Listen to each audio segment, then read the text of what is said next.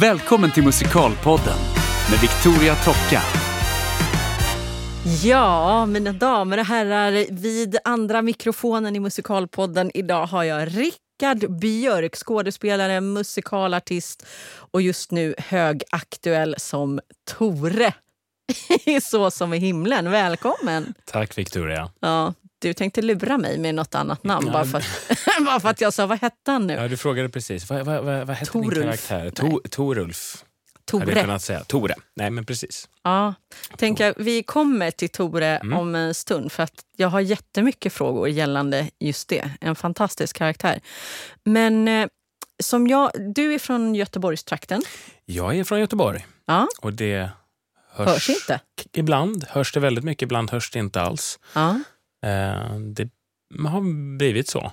ja. Det beror lite grann Någon på... slags rikssvenska. Ja, ändå. skulle jag väl säga. Men Mm. ibland är det tydligt. Det är olika. När du kommer hemåt kanske. Jag kan anstränga mig lite grann om du vill. Helt okej. Så länge jag slipper Göteborgsskämt så är allting Oh, tippen då har du bjudit in fel person. Oj då. Ja, Nej, men jag ska, jag ska lägga Mm. band på. Malena Tuvung som jag Mm. jobbar med, hon är ju också från Göteborg. Det är Ja. mycket Göteborgsskämt där vet du. Ja, men Mm. det ska göra lite ont. Okej, ja, nej men eh, vi går vidare Ja. helt enkelt. Eh, när vi pratade med varandra första gången, då nämnde du, har jag för mig, att du kommer från skådespelarfamilj. Eller, eh, Mm, nej, Inte? alls. Sjuksköterska Nej, men och för- ekonom är mina Sjuksköterska och föräldrar. ekonom. Men eller- varför fick jag ja. för mig det då? Vad pratade du om då? Ja, ja, det vet jag inte. Ja, Okej, men du är från Göteborg i alla fall. Och Göteborgsskämten kan potentiellt hagla i ja, det vet jag inte. Jag kan, jag kan försöka anstränga mig. Men eh, ja. Eh, men när man sitter och läser och, och googlar på allt du har gjort, för jag hade faktiskt ingen koll Mm. på dig innan jag såg Så som i himlen. Eh, och det första, eller två saker som jag tänkte på väldigt ehm, tydligt när jag såg den föreställningen var först undrade jag om du faktiskt var liksom mentalt handikappad. Mm. För det var så sjukt bra. Och sen när jag förstod att nej men det är du ju inte. Alltså Normalstörd. normalstörd göteborgare.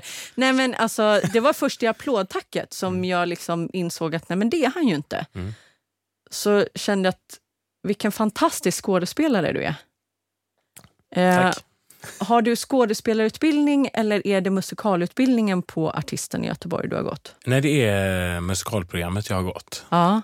Sen så har jag försökt att gå så många av de kurser och göra praktik på talteater som möjligt. Så att jag sökte Ja. in mig på musikalprogrammet men eh, försökte lägga om det så, så mycket det gick så att få en skådespelare en gång på det.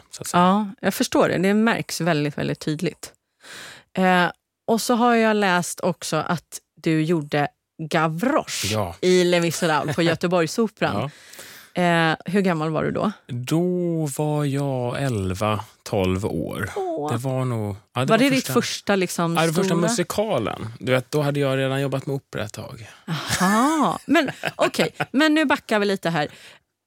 Eftersom du då, jag helt missuppfattat den här skådespelar... Eh, det kanske var något sånt vi pratade om och så bara men det- förutsatte jag att du kom... Ja, men så, så kan det vara. För, det är, det är För du har ju hållit på så... sen du var väldigt liten Ja, som jag har precis. förstått det. Och är det så att man växer upp på en teater eller institution, lite grann som jag gjorde då på Göteborgsoperan, Ja. så är det många som tar för givet att man kommer från en eh, konstnärsfamilj eller skådisopera. Ja. Men hur kom du familj. in där? Då? Hur, hur kommer det sig? Ja, Liksom? någonstans skulle de väl göra av mig. Nej, men, eh, nej, men, eh, jag har alltid dragits väldigt mycket till eh, teater och sådär. Och när, jag, eh, när de släppte in mig på dagis när jag var liten så frågade alla andra barnen Åh, hej Rickard, vem är du idag?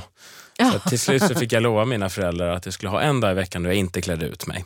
Aha. Som en sorts överfasperiod då till, eh, till skolan där man inte kunde gå omkring som eh, Turtles och Fantomen och Pippi. Långstrump varje dag.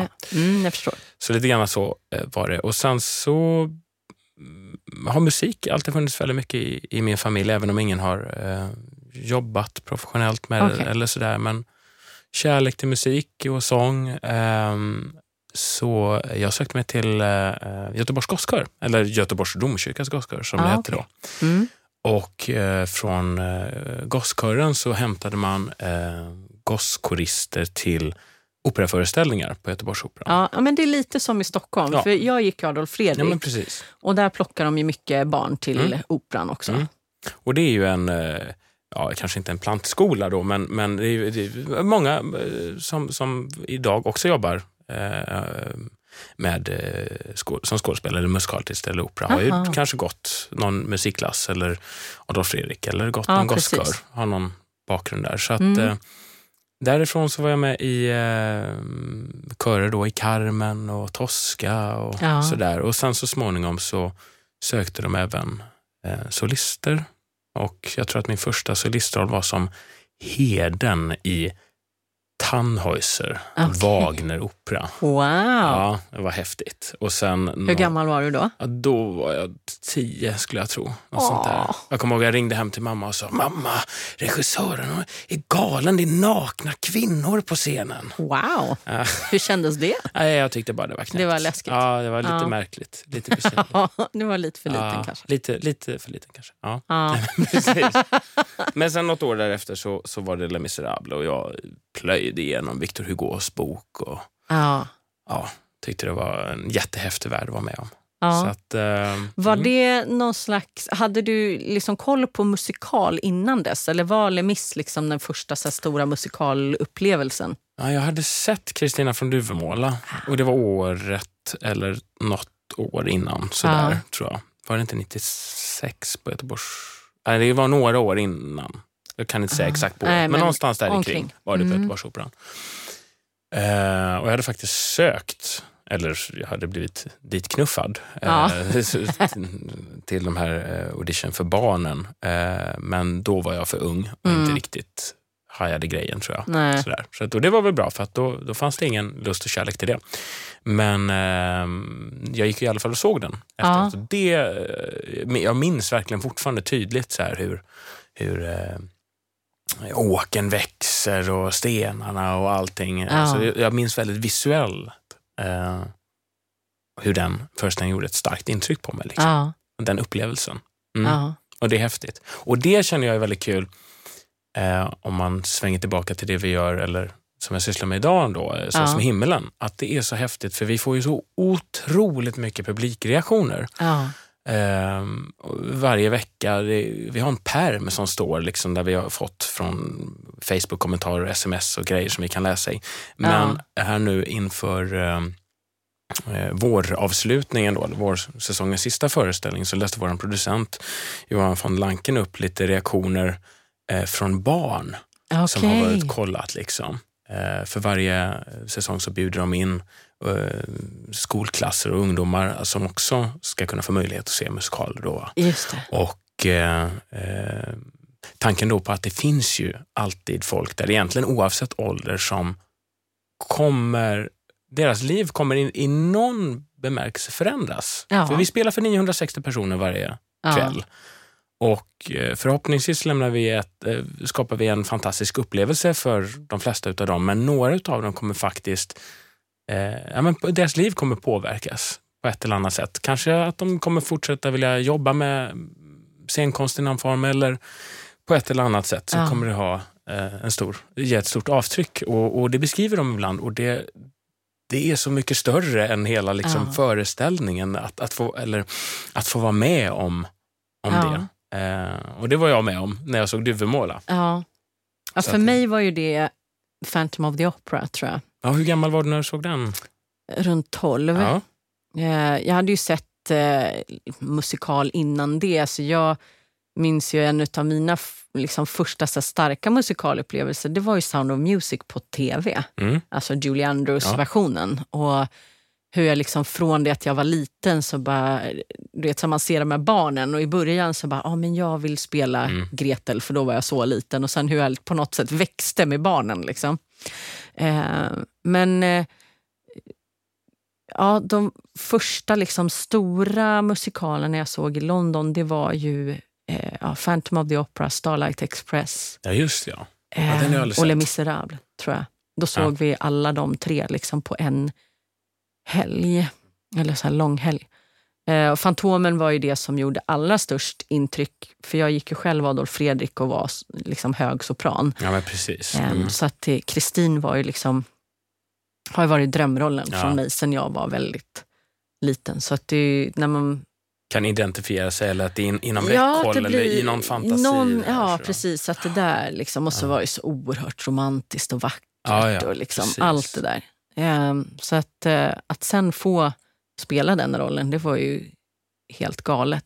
Alltså, eh, och jag har ju pratat med många. Eh, alltså Kristina från Duvemåla var ju också en sån roll som jag drömt om. Som jag tyvärr inte har fått spela, för att det är väl kanske inte riktigt i min, mitt röstfack och sådär heller. Men eh, eh, jag har ju pratat med bland annat Josefin Isaksson som eh, där var ju Kristina från Duvemåla verkligen en drömroll sen hon var liten. Och bara känslan när man väl står där och får göra det sen. Alltså det, det är något väldigt speciellt med det.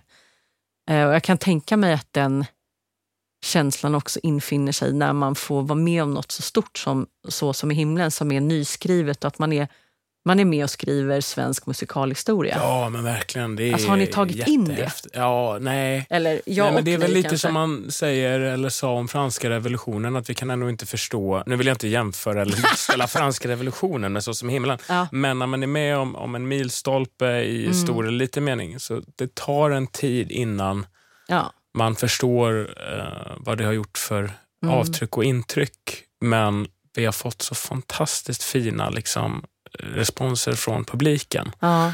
Eh, inte bara de här trogna musikalfansen som går och kollar alltså 8, 9, 10 gånger som, Nej. som står liksom vid stage står och, och, och, och vill hälsa, utan eh, folk som eh, liksom beskriver hur, hur eh, Ja, men men- som kanske går att få en upplevelse för första gången ja, också. Ja, men precis. Och jag har ju också haft förmånen att få de reaktionerna alltså från flera föräldrar och anhöriga till eh, ungdomar, unga vuxna och, och folk som har eh, funktionsvariationer som Mm. beskriver, jag såg min bror på scenen. Liksom. Jag har Ja. inte sett min bror på scenen Nej. förut. Och, och det kändes så fruktansvärt jobbigt.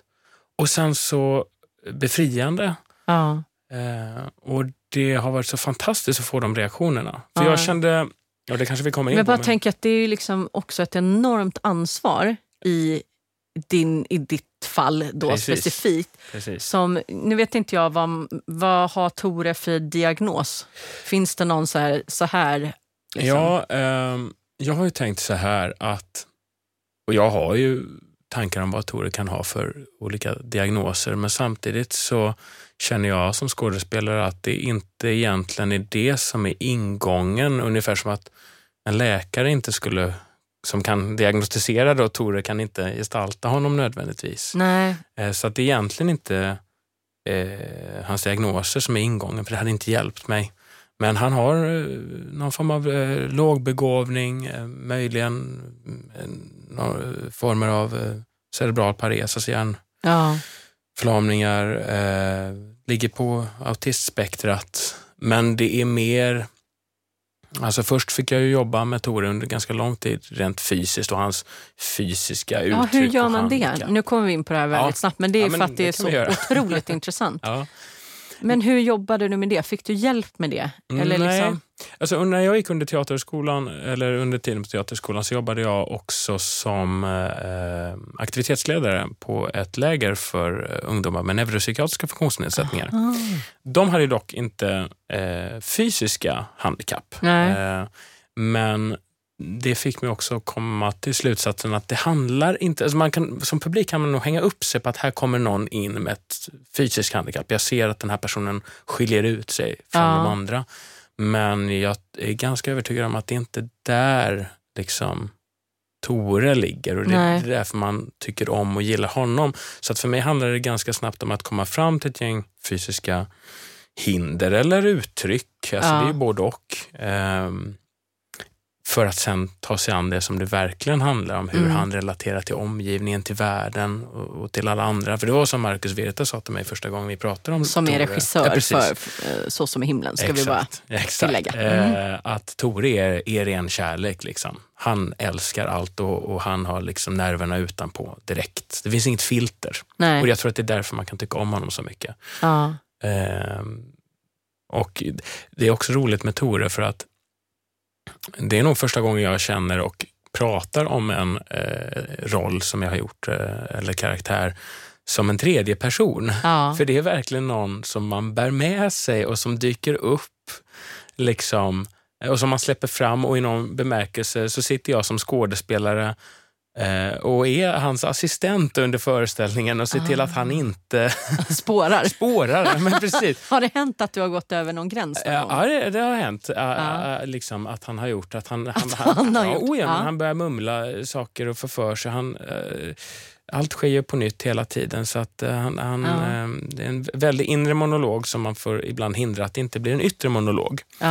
Eh, så att, eh, ja, det, det, men det, det, det är roligt. Och han är ju även kvar då på kvällen när jag kommer hem och sätter mig i soffan och kanske vill kolla på något, någon serie. Då händer det att det rycker till liksom fortfarande för jag har de här Aha. spasmerna som, som lever kvar. Liksom. Ja. Men eh, ja, det, det, det har varit väldigt och är väldigt roligt att jobba med Ja, honom. nej men för det var faktiskt en fråga jag hade. Hur, för jag kan tänka mig att man har liksom inte en väldigt tydlig på och av-knapp när det gäller en sån typ av karaktär. Jo, Har du det? jag har det. Ja, det har verkligen blivit så. Men det, har inte, det var inte så när man jobbade fram den. Nej, okej. Eh, däremot så behöver jag rent vokalt värma upp Tore lite grann. Kan man säga. Ja. Jag behöver, och det märker jag när jag kommer in på teatern, det hände, hände några gång, någon gång för några veckor sedan att jag att Tore liksom inte fick leva sitt eget liv bakom innan, för- fick värma upp. Eh, utan han bara dök upp på scenen och då hängde inte rösten med jag riktigt där den skulle. Eh, men det är en av och på-knapp. Alltså jag är så imponerad. Nej men på riktigt, Ja. för att det som är det är en sån fin balans Mm. mellan att göra det till liksom lyteskomik eller att falla över Mm. liksom i en, en karikatyr av en sån människa, Mm. eller vad jag ska säga. Men det är så oerhört fingertoppskänsligt och liksom varmt och fint det du gör med honom. Alltså, ja. Ja, det är jättefint att säga. Och jag var, alltså jag var ju väldigt tveksam till om jag skulle, kunde och borde tacka ja till den rollen när jag blev erbjuden det. Ehm, Hur, gick, hur gick hela liksom, processen till? Gjorde du en audition? Eller, ja, liksom, hur funkar, det... För jag menar, det är ju inte så här, hej, kom och sök. Liksom. Alltså, Ja, det är ju inte som att söka vilken roll som helst, tänker jag. nej, det var... Jag hade jobbat med Marcus. Ja, i eh, Parade. I Parade, precis. På. Värmlandsoperan. Exakt, Mm. 2015 gjorde vi det. Så att vi hade känt på varandra tidigare och trivdes väl med att jobba med varandra. Ja. Och eh, sen så eh, delade jag loge med Filip Jalmelid eh, under Les Misérables. På, eh, inte då när jag spelade Gavroche, utan Utan när jag gjorde Enjolras. Ja, och alltså, det här är också en sån hel... För för mig så är Enjolras och Tore Ja. liksom två karaktärer på helt vitt skilda sidor Ja. av liksom Oh ja. människospektrat på Ja. något sätt. Ja, de har passion båda. Det är väl det Ja, de jo, det- det delar, får man ge dem. liksom. Ja. Ja. Nej, men de är, de är väldigt olika. Och väldigt roligt då att, att eh, få göra så olika roller. Det är väldigt kul. ja, jag förstår det. Eh, och sen så har jag ju en liten, i alla fall, filmkarriär bak, karriär bakom mig.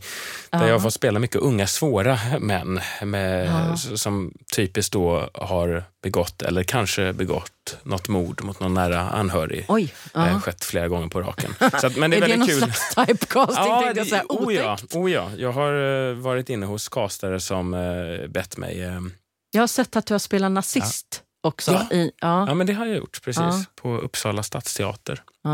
Ja. Eh, i talpjäs. Nej, men nu ska jag backa eh, i spåren här lite Ja, grann. precis. jo, jag delade loge med Filip Jalmelid. Mm. Eh, och eh, så spelade vi ju Allan bakom där hela tiden. Ja. Eh, och så sa han det en dag att, eh, jag vet inte, jag funderar på om jag skulle säga det här eller inte i podden, men han sa i alla fall att Men du Rickard, du skulle ju passa utmärkt som den utvecklingsstörde. Och du bara, åh tack. Som Gösta Ekman sa, varje roll är en personlig förolämpning. Att, eh, nej, men, men eh, ja, och sen så eh, tipsade han väl Marcus och, Ja. och Marcus funderade och sen hade vi ett möte efter det.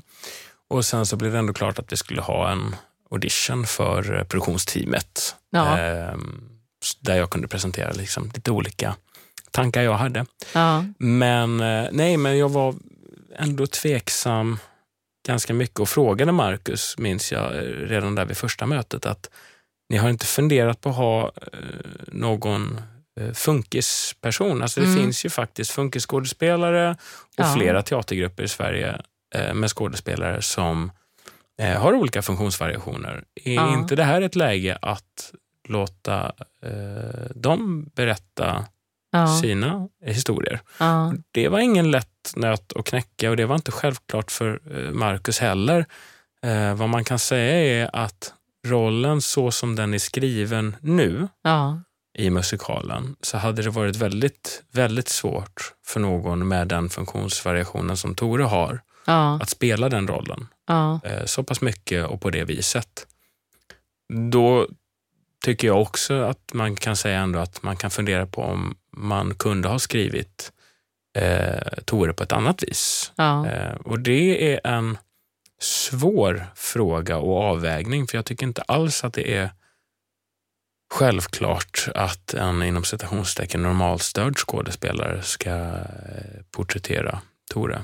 Nej. Men det, det, det är svårt. Alltså Nej, samtidigt, men det är klart, det, det är mångbottnat det där. Men jag tänker samtidigt att det måste ju vara oerhört fint då när man ändå tar på sig den uppgiften att få så mycket fin feedback Ja. från människor som kanske själva har något liknande eh, liksom funktionshinder eller mentala handikapp eller så. Eller eh, gud. släktingar, Ja. vänner, föräldrar, bröder, systrar som har en sån människa liksom i sitt liv som ändå kan se Ja, nej, men verkligen. Alltså, och det var en att sån det görs sten. med sån kärlek. Liksom. Ja, det var en sån sten, som, alltså, eller flera stenar som släppte från vad säger man, axlarna, magen, ryggen. Ja, överallt. överallt. Det bara rann stenar av mig.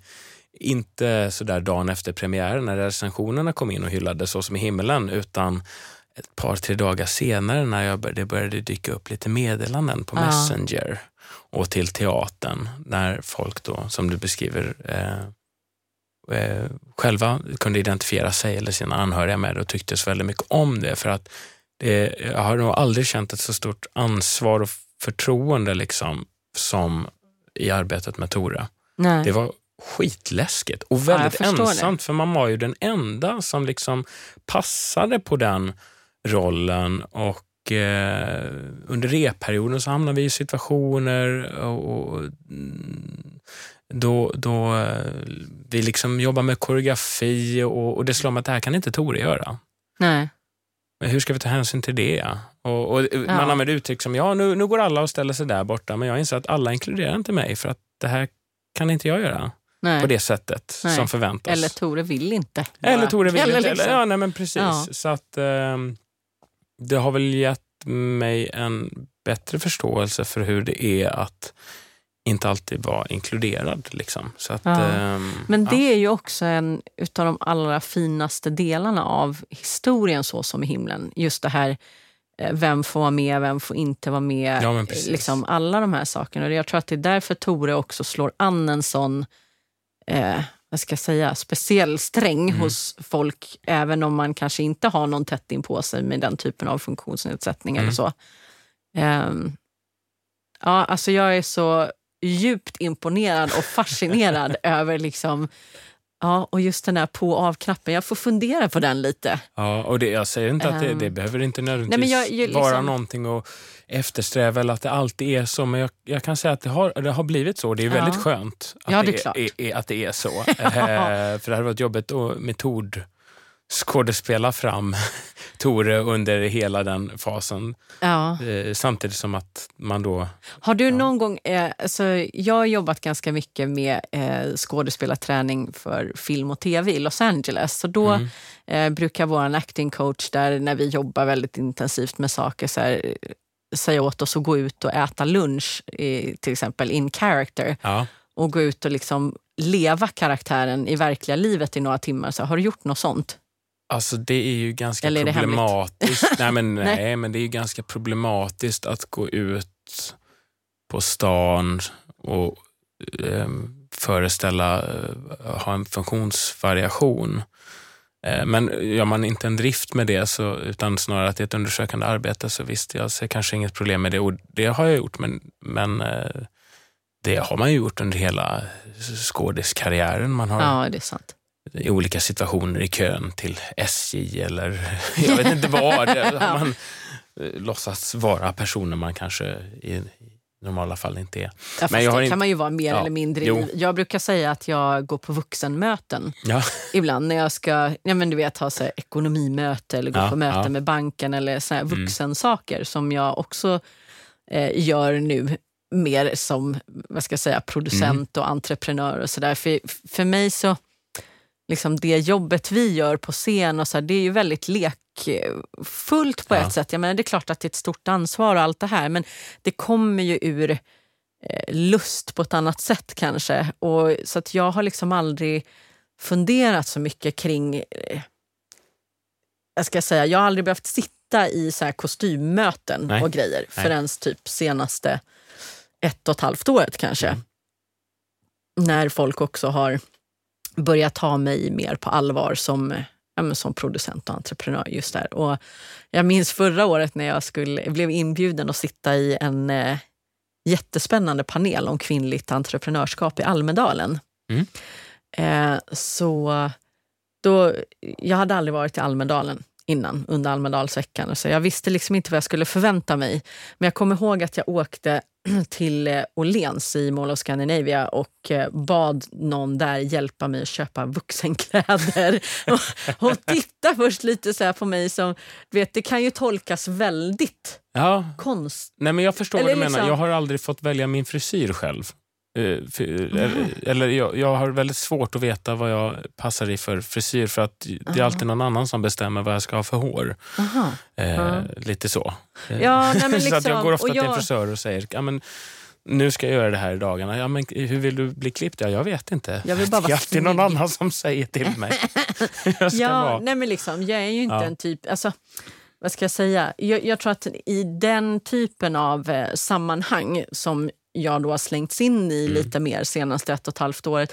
Jag har inte riktigt umgåtts i de kretsarna eller var. Och då, Då metodskådespelar du vuxen. ja, men ibland så kan jag känna att jag liksom ja, sitter och, eller liksom så här, ja, nu, nu kör jag vuxengrejen här Ja. lite.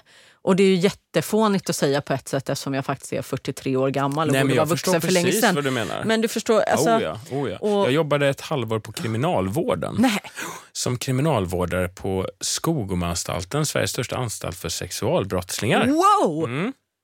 Jag hade ett break nämligen precis efter jag slutade teaterskolan. Aha, Eh, då jag kände att nej, jag vill inte alls syssla med musikal just nu. Eh, för jag tyckte inte att det var roligt. nej.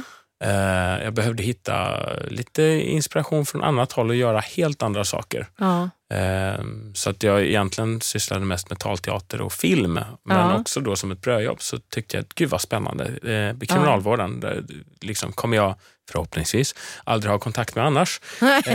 precis. Eh, men då gick jag ju och spelade kriminalvårdare i, i Men ett vad- halvår kändes det som. Vad gör man då när man är kriminalvårdare? Man låser in och låser upp och tar hand om klienterna och hjälper dem. Man är, Säger man klienter? promenad. Man säger inte- man säger inte fångar, man säger klienter. Va?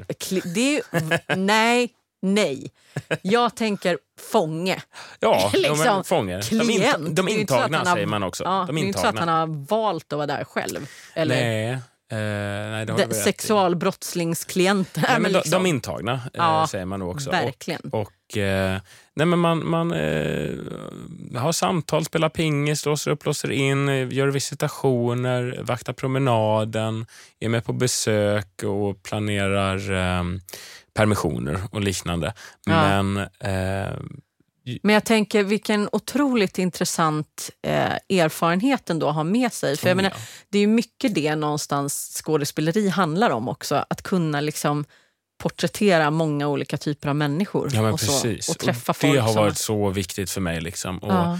Som du nämnde inför det här mötet, om jag liksom hade något tips för folk som eh, vill ge sig in i musikal eller skådisbranschen, Ja. så är det just att försöka umgås, prata med eller vara bland folk som tänker, tycker och tror annorlunda och, och har helt andra Ja. livserfarenheter. Så att det var väldigt viktigt för mig åren efter scenskolan. Ehm, och då jobbade jag som researcher på SVT. Ehm, och vad gör man då? Eh, Då sitter man och eh, pratar med ministrar och eh, knarklangare och alla däremellan.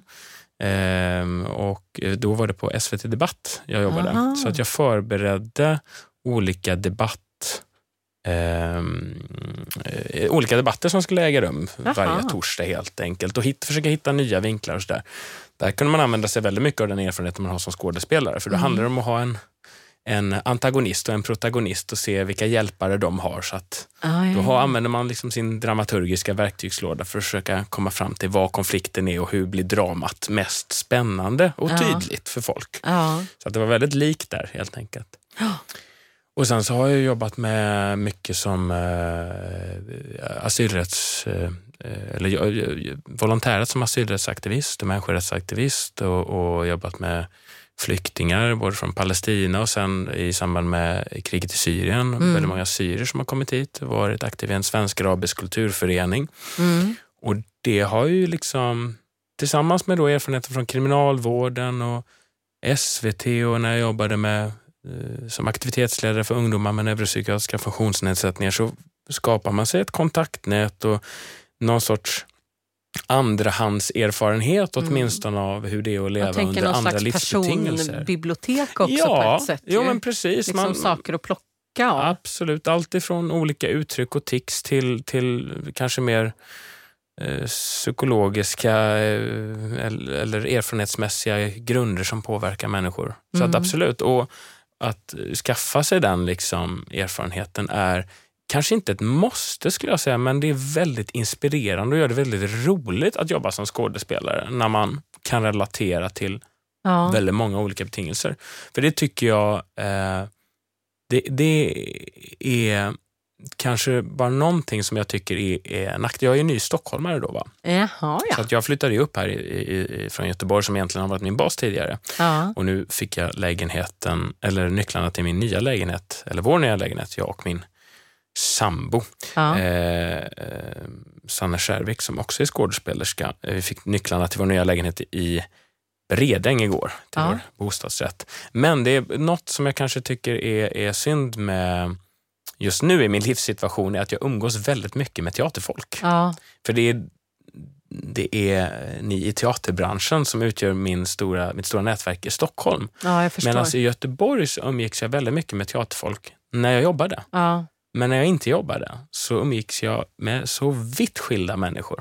Ja. Så att det hoppas jag på att kunna bygga upp ett nätverk av. Liksom. Jo, men och det tänker jag andra. att det kan ju... Alltså nu eh, har det kanske inte varit superenkelt liksom när har varit mitt uppe i produktion. Nej, men nu precis. när ni har lite, vad ska vi kalla det, sommarlov. Ja. Så finns det ju en möjlighet också att utforska lite. Och jag tänker om du är liksom intresserad av eh, ja, men, eh, asylrätt och Mm. alla möjliga sådana typer av grejer. Då finns det ju liksom hur mycket som helst. Ja. Det är bara ut och Absolut. sök reda på spännande människor. Liksom. Absolut. Så det tänker jag mig i alla fall. kul. Men om det är något tips så, så eh, för ens egen skull som människa, om inte som skådespelare, att hitta människor som tycker, tror och tänker annorlunda, har andra eh, liksom referensramar. Det, det är någonting som verkligen kan inspirera en tror jag, i sitt konstnärskap. Har du någonsin tänkt på att bli politiker?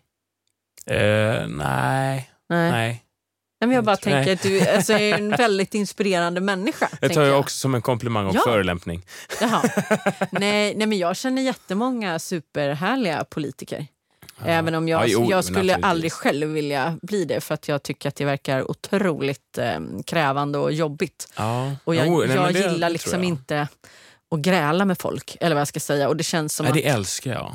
Debattera och Oh, grejer. ja. Ja. jag tycker sånt blir lite jobbigt. liksom. Nej, men, men det ska vara, då ska det vara... eh, Jag ska inte säga att jag är konflikträdd per se, men jag tycker inte att det är roligt. Liksom, jag försöker gärna hitta kompromisser och, och lösningar. Liksom. Ja, Kanske inte där man är, är alltid överens, men där man hittar någon... Ja, common ground. ja Mm. och där man liksom kan fungera ihop oavsett, eller vad jag Mm. ska säga. Men om jag säger emot dig nu då i alla fall, så är det väldigt Ja. kul att ha ett samtal när man har olika utgångspunkter. Ja, det är klart. Och sen ska vi hitta common ground. Ja, Men så fort vi har hittat konsensus, då dricker vi prosecco. ja, då dricker vi prosecco. Men vet du vad? Jag är nykterist. Va? Så då har vi ett nytt samtalsämne där vi Varför tycker det? olika. Det är du ju inte. Jo, det är jag. På riktigt? Ja, du hittar du- inte på det Nej, nu för att retas med mig? Jag hittar inte på. Va? Jajamän. Men Så då har vi ett varför? nytt samtalsämne. Men det finns alkoholfritt prosecco. Ja, ja okej. Precis. Och då har vi hittat common ground igen. Ja, Men du då kan dör fortfarande ha det tills- roliga glaset och så kan vi låtsas. Precis. Liksom. Precis. Ja, jag fattar. Men, men, alltså, jag eh, gillar det här. Ja, men då är det spännande, för då blir, det, då blir ju samtalet en intressant dans. Jag vet liksom. inte om vi kan umgås om du inte dricker prosecco. jag skojar. Jag undrar hur, hur det skulle vara att umgås med mig om jag drack alkohol. Det vet jag Har inte. du testat det nu? Du har Nej, aldrig druckit nej, jag- alkohol? Nej, jag, eh, nej, inte den mängden att jag blir påverkad. Faktiskt. Och du har aldrig så här, shit jag vill prova bara? Nej, faktiskt inte. Nej. Alltså, jag ska ju inte Ja. säga att jag dricker för att bli påverkad, men jag har någon slags eh, sådär tes att jag måste liksom åtminstone prova grejer för att veta. Okej. Eh, Finns det någon gräns du drar där? Var du Ja, alltså, ja, det är klart. Alltså, jag vill inte göra kriminella grejer eller liksom vara el, göra illa någon. Skulle jag inte göra. Alltså, du Nej. vet, såna där saker. Nej. Men sen finns det en massa andra grejer som inte alls lämpar sig för den här typen av podd. Nej, jag förstår. Ja, nej, Okej. men... Eh, Det tar vi under täcket i P3 istället. oh. eller va? Jag vet inte, eller något annat. Jag har ingen aning om vad det var du syftade Nej, inte jag heller. Men det där lät jättekonstigt. Jag vet inte ens vad det där är.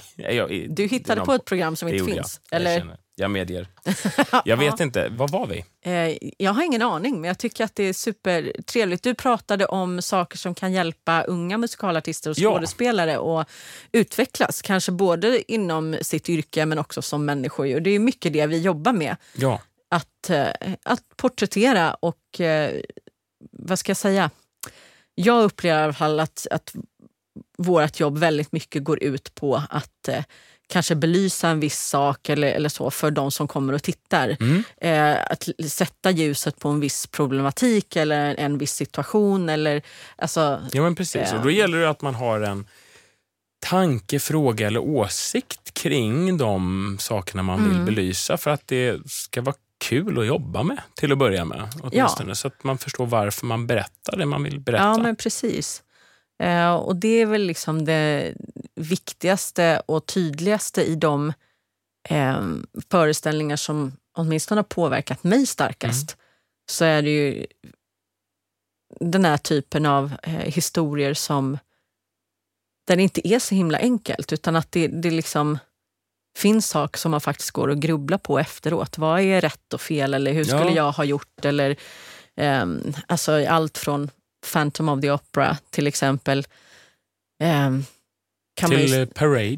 till Parade, till Kristina från Ja. Duvemåla eller Broarna i Madison Men det är County. kul när det skaver. Liksom. Jag tänker på Ja, Parade där eh, Leo Frank, en av ja, vill du berätta för folk eh, vad Parade handlar om? Ja, Eftersom det i- inte är liksom världens mest korthet. känns, kändaste musikal. I all korthet, det, det, var, det var en vad ska jag säga, konstnärlig succé på Värmlandoperan. Kanske inte en kommersiell. Nej. De upptäckte nämligen att det var väldigt svårt att sälja in särskilt till företag.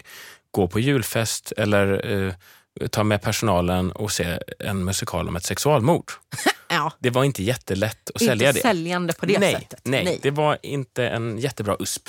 nej. Eh, om man säger så. Men det handlar alltså om en eh, judisk fabriksföreståndare eh, som eh, i eh, söderns Georgia i början på 1900-talet eh, utpekas och anklagas för att ha våldtagit och mördat en ung fabriksarbetare. Eh, och sen får vi följa hela rättsprocessen som leder fram till att den här eh, judiske fabriksarbetaren Leo Frank eh, döms, eh, fängslas men, eh, och till slut lynchas till Oj. döds. Och vi får följa Är det liksom, byggt på någon typ av sann historia? Det är fullständigt byggt på en sann historia. Åh, vad otäckt. Ja. Även om man i musikalen eh, till slut landar i det att Leo Frank var oskyldig och det kan vi inte säga med absolut säkerhet att han var. Vad vi däremot kan säga med säkerhet var att hela rättsprocessen var ett justitiemord Ja. eh, och att det finns mycket som pekar på att det, det fanns Ja, andra ja, okej. personer som, som skulle kunna ha begått eh, de här eh, dåden. Men det var väldigt mycket antisemitism som drev fram liksom, Mm. eh, rättegången mot eh, honom eh, Ja. och som ledde fram till lynchningen då till slut. Mm. Men det som är så spännande med, eh, apropå det här om att det skaver med, med karaktären Leo Frank, det är att vi tycker inte om honom. Nej. Han är otrevlig, han är osympatisk. Det är hans fru Lucille, den andra huvudrollsinnehavaren, som vi Ja. egentligen känner sympati med. ja. Och hon vet inte hur hon ska kunna försvara honom till slut, för han Nej. beter sig så illa. Han skjuter bort alla omkring sig. Och det är så spännande, Ja. tycker jag. Då, Har man... du sett den Mm. här... ehm, eh, det, det är någon... eh, en film på Netflix om eh, Ted Bundy. Nej, men jag, Men jag såg den eh, häromdagen. Precis, jag det är trailern. lite liksom samma grej där. Alltså, men det som är Ted läskigt med ju- den är ju att man gillar honom. Ja, det är lite samma grej fast tvärtom. Ja. Kan man säga. Han, det var ju en massmördare som man tyckte om. Ah, Ja, fruktansvärt. alltså, och så konstigt Ja. på något sätt. Nej, men det är fascinerande. Det, det tycker jag är väldigt spännande. Så, ja.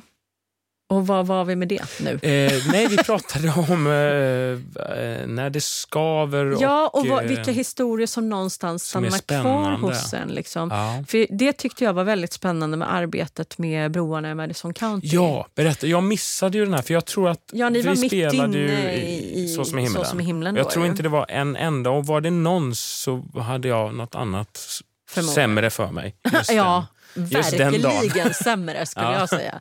Nej, men, eh, broarna i Madison County eh, bygger på en bok eh. Som har blivit film. som blev film Ja. 95 med Meryl Streep och Clint Eastwood. Mm. Och liksom eh, handlar om en... Eh, eh, Och båda är ju då Jason Robert Brown Ja, som har precis. skrivit. ja, både Parade Och, och... eh, skri- eh, musik och eh, text. text. Ja. Precis. Och, eh, alltså, kortfattat, Broarna i Madison County handlar om en italiensk kvinna som har gift sig med en amerikansk soldat i slutet på andra världskriget och då flyttat med till USA. Mm. Bor på en gård ute mitt ingenstans på landet i Iowa. Eh, startat familj och liksom har levt sitt liv där i 18 år och allting tuffar på. Är väl kanske inte superspännande men det är inget som är specifikt dåligt heller. Liksom, så. Eh, Och sen eh, under en lång helg så reser familjen bort, alltså mannen och barnen, för att visa en tjur eh, på en marknad. Alltså som man kan ju har. vinna massa Mm. priser och Ja, liksom tjäna pengar på det där. Så de åker iväg och hon blir kvar ensam hemma. Och i samband med det så dyker det upp en fotograf från National Geographic som eh, ber om hjälp att hitta vägen till en av de här oerhört kända täckta broarna i Madison County, Roseman Bridge. Ja. Täckta broarna. Ja, de är liksom inbyggda eh, så att de har tak och väggar. Ja, alltså Ja, Trä, träbroar. träbroar. Ja. Ja, och det finns sju stycken och han har bara hittat sex och han kan inte hitta den sjunde. Eh, och hon eh, hjälp, alltså, ställer då upp och hjälper honom att hitta bron och liksom väldigt snabbt så uppstår det eh, tycke mellan de här två karaktärerna, personerna. Och eh, eh, en utav liksom film... Alltså det är så otroligt Är romantiskt. det Clint Eastwood då? För jag känner, jag Clint Eastwood är Robert Kincaid, fotografen. fotografen. Och Mm. Meryl Streep spelar den italienska hemmafrun i filmen. Då. Eh, och en oerhört eh, tårdrypande, romantisk, eh, dramatisk historia. Eh, och eh, alltså, det var väldigt spännande att jobba med karaktären Francesca Johnson för att hon... Alltså det finns ju så oerhört många tankar och eh, eh alltså, olika sätt att se på vad är otrohet, vad är inte otrohet, är det okej, är det inte okej?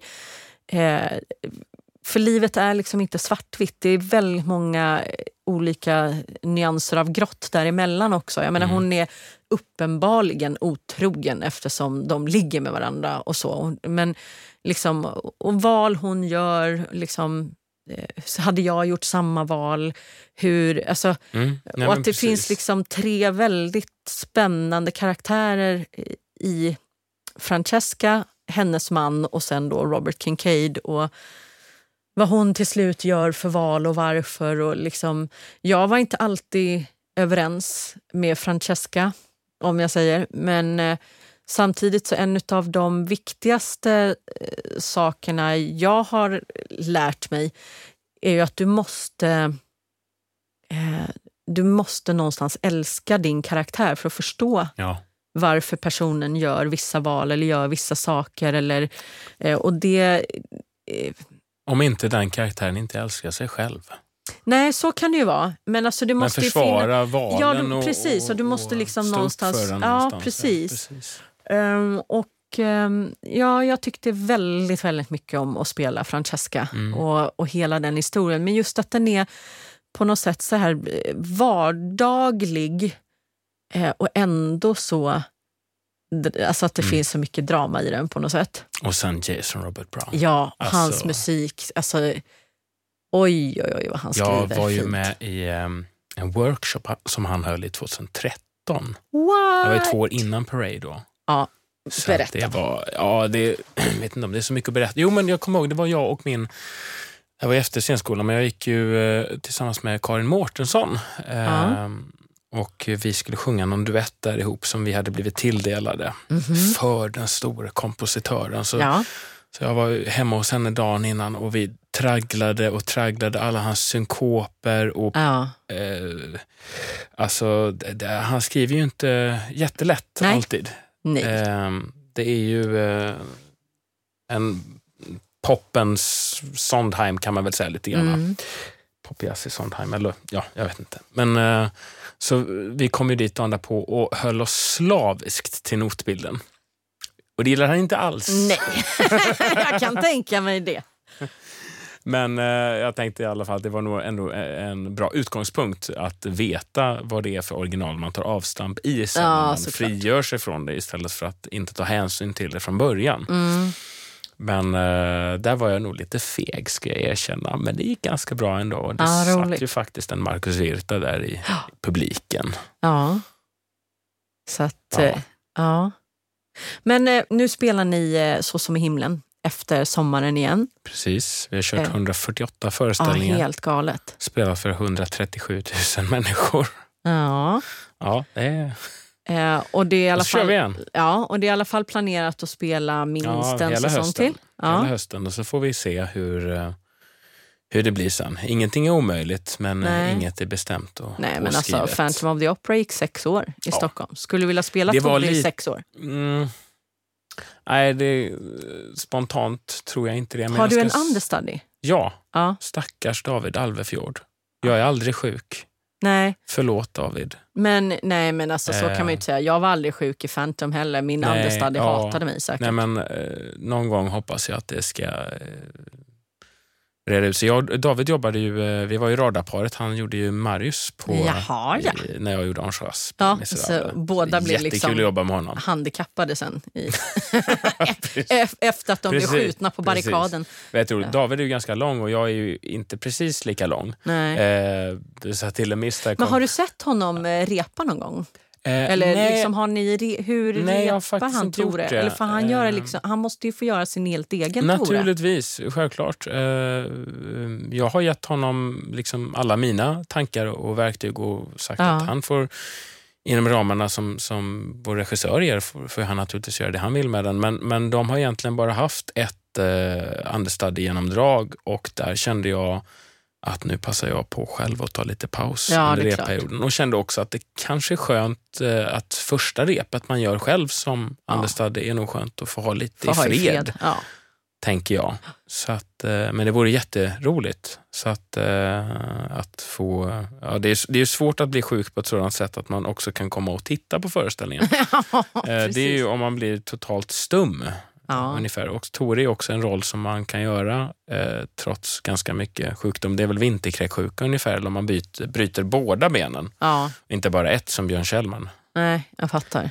Eh, sådär, så att, eh. Men, ja, nej, men vi har ju kört och jag tycker alltså efter 148 föreställningar, det är jätteroligt. Visst, man, får, man kan få någon liten dipp sådär här ibland, men, men det är alltså, förvånansvärt kul att köra fem i veckan. Det trodde inte jag. Nej. Jag tror, Är det första gången du kör en sån eh, vad ska jag säga, long run med så mycket? Ja, jag har kört eh, 120, eh, gjorde Ville Miss och jag har gjort 90 Sunset. Eh, annars ingen så lång och så mycket i veckan. Nej. Men förvånansvärt kul eh, och, och lätt att hålla energin öppen. Ja. uppe. Men eh, jag är ju en blöt fläck efter första akten. Alltså på, på riktigt, jag måste hänga upp och vädra eh, mina kläder. Eh, för de sista kvarten, tio minuterna där i, i första akten är det så mycket spänningar och gråt och och ja, allt möjligt. Liksom. Det är så Ja. mycket kroppsfett skulle jag på säga. det är det ju. Tore Ja. bajsar ju på sig. Ja. Eh, Även om jag inte riktigt är Du kanske inte är metodskådespelare. så method. Nej, inte Nej. riktigt till den graden. Nej, Eh, kanske är skönt Nej. för dina kollegor. Nej, det är, det är snälla Gunnar som står där och sprutar vatten på mig bakom kulissen. Ibland så har han riktigt kallt vatten, då blir jag sur. Ja, herregud. Jag tänker när man har spelat så där många föreställningar, busar ni mycket med varandra? Jag busar ganska mycket Du med folk. busar ganska... Vad gör du då? då? Eh, Är det något du kan berätta som är liksom ändå... Eh, ja, men, eh, jo, herregud, det måste jag väl kunna. Eh, vi har ett tillfälle som är stående skämt. Eh, när eh, Lena, alltså eh, Tuva Bergdahl Larsson, springer ut och ska bara vinka på en av sina pojkvänner som passerar i, i revy. Som är off stage. Då, Ja. Och då brukar vi alltid stå där och ha lite roliga kläder. Och, Ja, men det har hon berättat för mig Hon har det, faktiskt. ja. Det berättade hon när hon var i podden. Att det har hänt Ja. alla möjliga ja, nej, grejer. Du får hitta på något bättre att berätta om. Ja, Det okej, där jag får hitta på något bättre. Ja, men, mm, något som jag kan berätta. eh, vad är det för grejer? Det, det har dykt upp lite... Eh, vänta, åh gud. Bara för att du säger det nu så, så glömmer jag det. Däremot är det så att jag är ju ansvarig för alla bloopers som händer Ja. också. Så att, eh, man vilket har, sätt Ja, då? man har ju, vi, vi spelar ju in eh, en monitor, liksom en, en Ja. liten kassinspelning. Och då skriver jag upp alla felsägningar och tuppar och Så konstigheter att ni kan händer då. göra någon slags så här blooper Jajamän. reel till festerna sen. Jajamän. Jajamän. Så Ja. att, eh, men saker man har gjort... Ja, eh, nej, nu får jag hjärnsläpp bara för att Ja, du men du, ställer kanske, frågan. du kanske kommer på det kommer någonting. tillbaka. Ja, Ja, om du kommer på något roligt så får du... Ja. Eh, för det där är ju alltid oerhört kul och spännande. Ja, jag kommer i och för sig ihåg en gång när det, det är då när Tuva, när vi skrämmer, eller gör När Olle. vi skrämmer Ja, det var halloween. och jag hade en jättesnygg dödskallemask. Så jag ställde mig precis rakt utanför dörren. Så istället för att vi brukar stå så två meter bort så stod jag två decimeter bort från henne och hon Mm. öppnade dörren. Och Tuva, är, hon- det roliga med Tuva är att Fick du hon en äl- smäll? Nej, men hon, hon ska liksom bara ropa eh, jag kommer snart eller något sånt där. Ja. Men hon skrek ju till, alltså rejält. Ja. Det roliga med Tuva är att hon gillar ju att bli skrämd. Eh, ja, så att... Eh, ja, men jag, ska, jag ska försöka komma på någonting. Eh, allt går ju inte riktigt heller att avslöja. Nej, det är klart. Det, eh, är klart. det förtar ju lite grann också eh, kanske om man inte har sett föreställningen och veta för mycket också.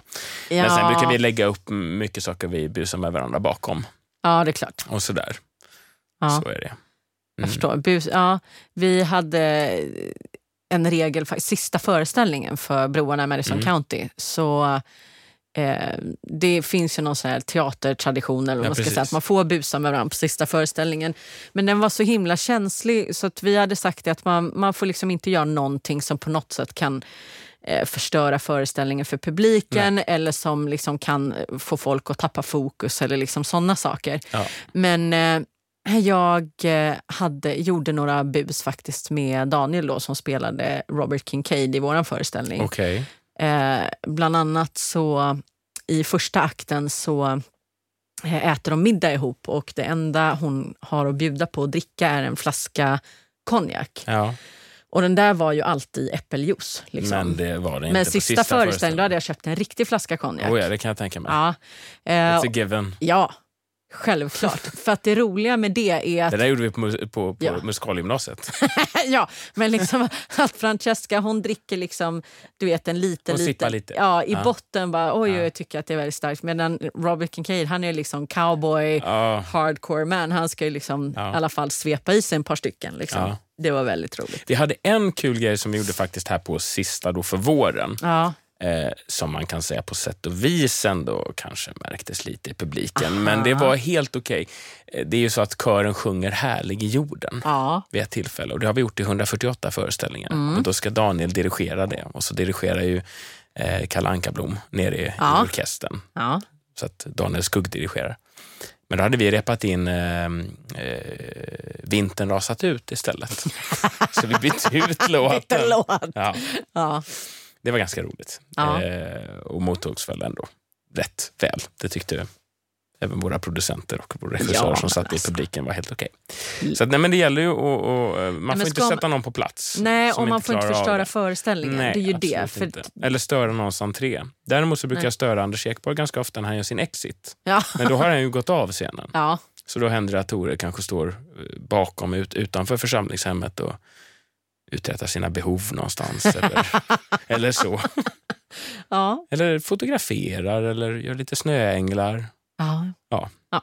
Ja. Lite diverse helt lite enkelt. sådär, han hittar på lite olika saker. Ja. Mm. Men då har inte du tänkt så jättelångt gissar jag, eh, långt fram i framtiden mer än att du ska fortsätta spela så som i himlen just nu? Mm, nej, eh, ju, nej, men ehm, just nu så är det väl eh, sommaren här då och eh, Mm. det är flytt Ja. från både Lidingö där jag bor nu och Göteborg som Ja. jag har kvar lägenhet i.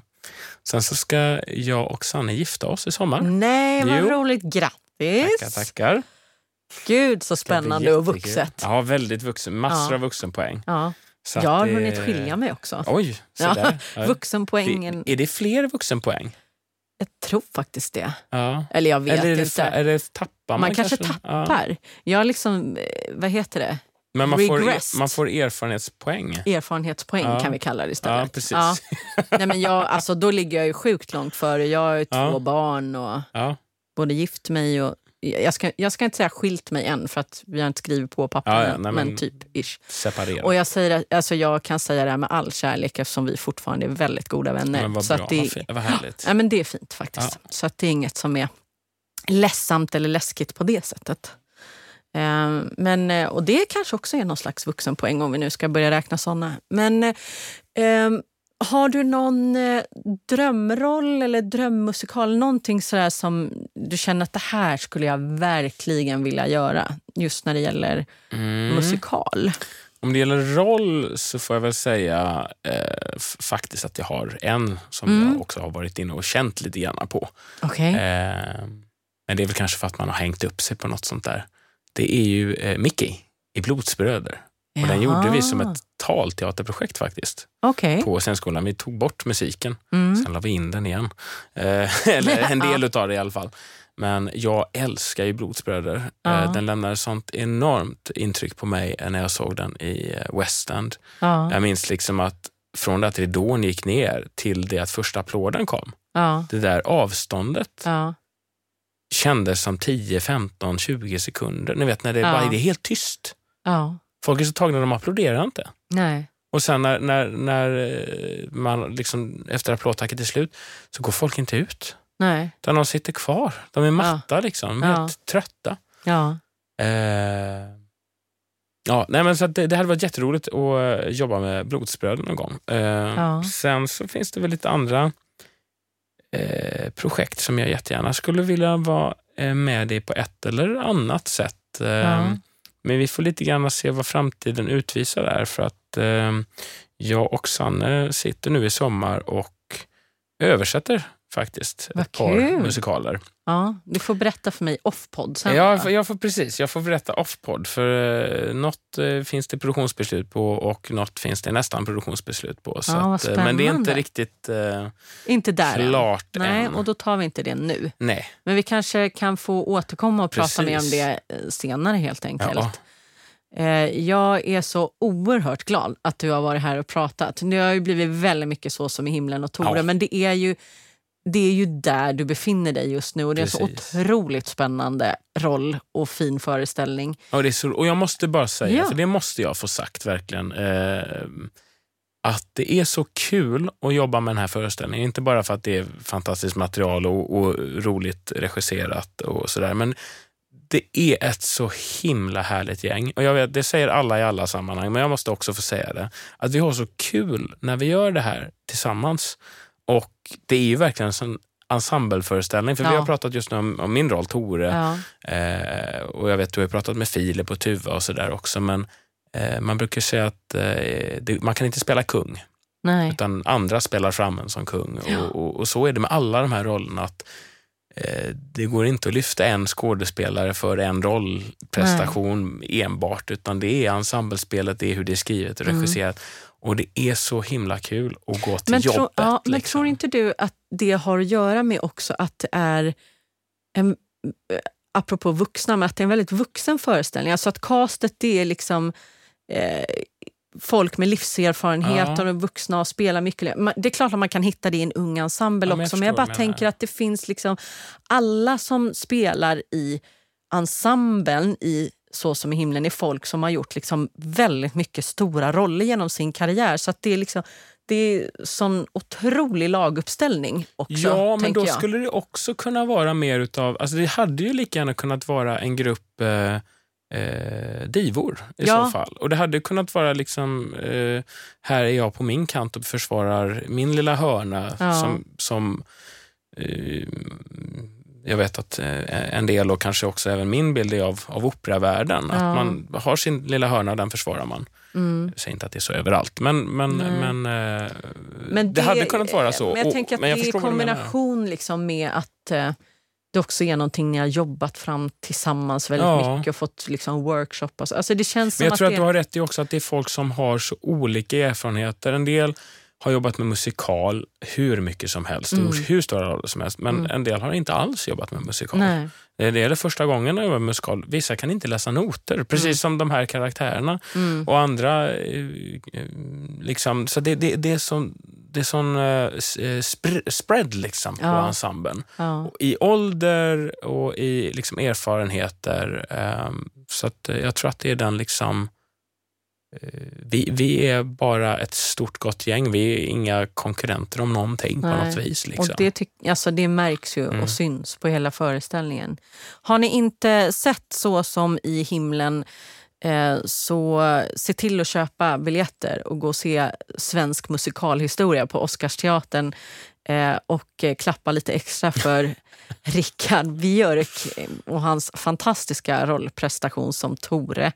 Eh, tusen, tusen tack för att du ville vara här. Jag eh, måste absolut komma och se föreställningen igen Åh, eh, det vore så roligt. till, till eh, hösten. Eh, tack snälla för att Tack du var så här. mycket Victoria. Tack. Musikalpodden med Victoria Tocka.